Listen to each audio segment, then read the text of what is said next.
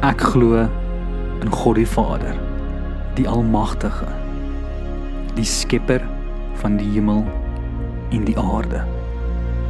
En in Jesus Christus, sy enige gebore seun, ons Here.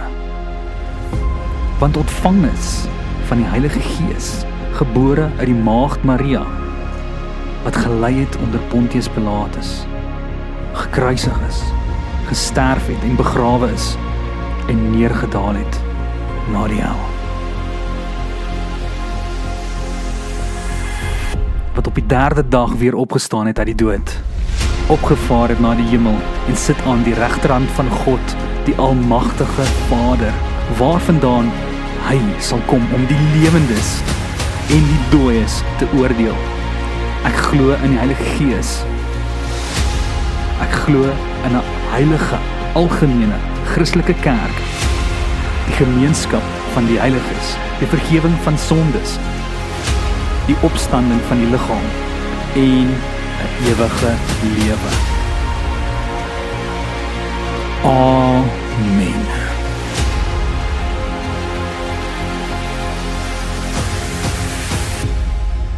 Welkom by Proxy Radio. My naam is Arend Botha en wat jy daar gehoor het is die apostoliese geloofbelijdenis. Ek weet hy klink nie normaalweg so as ons hom in die kerk lees nie, maar uh, hy is dan 'n bietjie opgejuice met 'n bietjie dramatiese superhero musiek daar in die agtergrond. Die apostoliese geloofbelijdenis is nie deur die apostels geskryf nie, maar het ons ontstaan gehad in die 2de eeu en het verder ontwikkel tot dit in die 4de eeu gefinaliseer is. Uh dit word ook die 12 artikels van die algemene ongetwyfelde Christelike geloof genoem of verkort net die 12 artikels. Waarom die 12 artikels? Die geloofbelijdenis het 12 stappe of ons kan sê 12 punte in betrekking met die geloof. Die apostoliese geloofbelijdenis is 'n vroeë belydenis van Christelike geloof. Um dit het heel moontlik vanaf die 1ste of 2de eeu ontwikkel. Dit wil voorkom asof dit geskryf is om die kern van die vroeë Christelike geloof te verwoord en oor te dra wanneer hulle bymekaar gekom het. Um dit was ook 'n antwoord op gnostisisme. Um en hulle die gnostisisme het die liggaam en die siel van mekaar geskei en Christus se vleeswording en die liggaamlike opstanding was vir hulle heeltemal onaanvaarbaar. Daarom het die belydenis spesifiek na Christus se maagdelike verwerking en gelowe se liggaamlike opstanding verwys. Um hierdie belydenis word deur meeste protestante kerke of dominasies gebruik tydens eredienste en teologiese opvoeding en is meer prominent in die uh Lutherse en Anglikaanse kerke. Die apostoliese geloofbelijdenis rangskik die noodsaaklike waarhede van die Christelike geloof in terme van 'n natuurlike en logiese vooruitgang. Die orde van die goddelike openbaring, gebou op die fondament van die drie-eenheid, word getrou gevolg. Die belijdenis beweeg van die van God die Vader en sy skepping na die persoon en werk van Jesus Christus, sy bonatuurlike geboorte, lewe, dood en opstanding.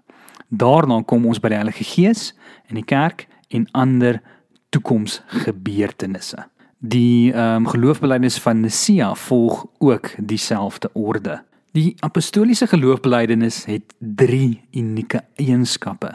Nommer 1: Die belijdenis beklemtoon dat geloof primêr in die lewende en ware God is.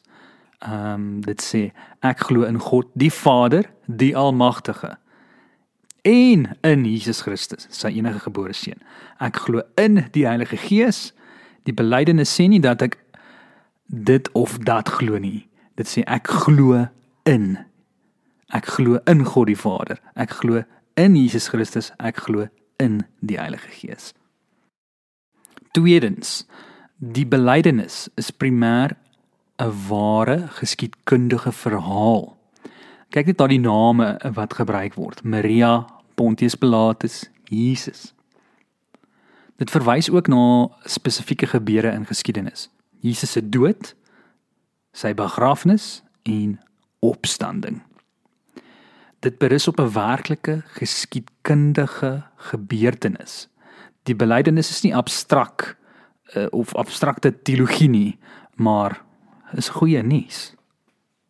En derdens, hierdie een is baie interessant en ek dink is nogal belangrik ook. Die belydenis praat van die drie eenheid lank voor 'n kerkvergadering hierdie leer bespreek het.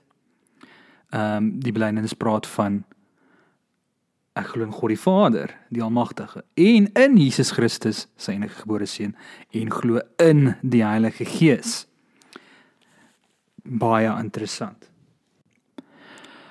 Ek voel baie sterk dat kerke moet 'n vorm van 'n geloofbelijdenis hê en hulle moet dit ook gebruik en dit 'n gewoonte daarvan maak. Die geloofbelijdenis het 'n meganisme ingebou wat ons herinner aan wat ons glo en dit keer ook dat daar snaakse goed inkruip in ons geloof. En ek voel dit is baie belangrik. En dit is jammer dat daar baie kerke daar buite is wat uh, so diep ryk geskiedenis in Christendom op op sy gesit het. En hierdie is so belangrik. Ek dink daar's baie min kan ek sê, moet nou versigtig wees, charismate en uh Pinkstermense wat self weet van die apostoliese geloofbelijdenis en dit is so mooi. Daar's niks fout daarmee nie. Ehm um, dis deel van ons Christelike geskiedenis en ek dink ons moet dit leer en aan ander leer en dit uitleef. As ons ons geloof reg verstaan, kan ons in die wêreld uitgaan en ons naaste lief hê en dien in die naam en krag van Jesus Christus. En wat beter is daar nie as 'n geloofbelijdenis wat universeel dieselfde is. Dit is vir my so mooi. Kom ons luister weer na hom. Maar hierdie keer gaan ek die uh, Superman music op een kant sit. Ek gaan hom net vir julle lees. Die apostoliese geloofbelijdenis of die 12 artikels van ons geloof gaan so. Ek glo in God die Vader, die Almagtige, die skepper van die hemel en die aarde en in Jesus Christus, sy enige gebore seun, ons Here, wat ontvang is van die Heilige Gees gebore is uit die maagd Maria wat gelei het onder Pontius Pilatus, gekruisig is, gesterf het en begrawe is en ter helle neergedaal het, wat op die 3de dag weer opgestaan het uit die dode, wat opgevaar het na die hemel en sit aan die regterhand van God, die almagtige Vader van waar hy sal kom om te oordeel die wat nog lewe en die wat reeds gesterf het. Ek glo in die Heilige Gees. Ek glo aan 'n heilige algemene Christelike kerk, die gemeenskap van die heiliges, die vergifnis van sondes, die opstanding van die vlees en 'n ewige lewe. Amen.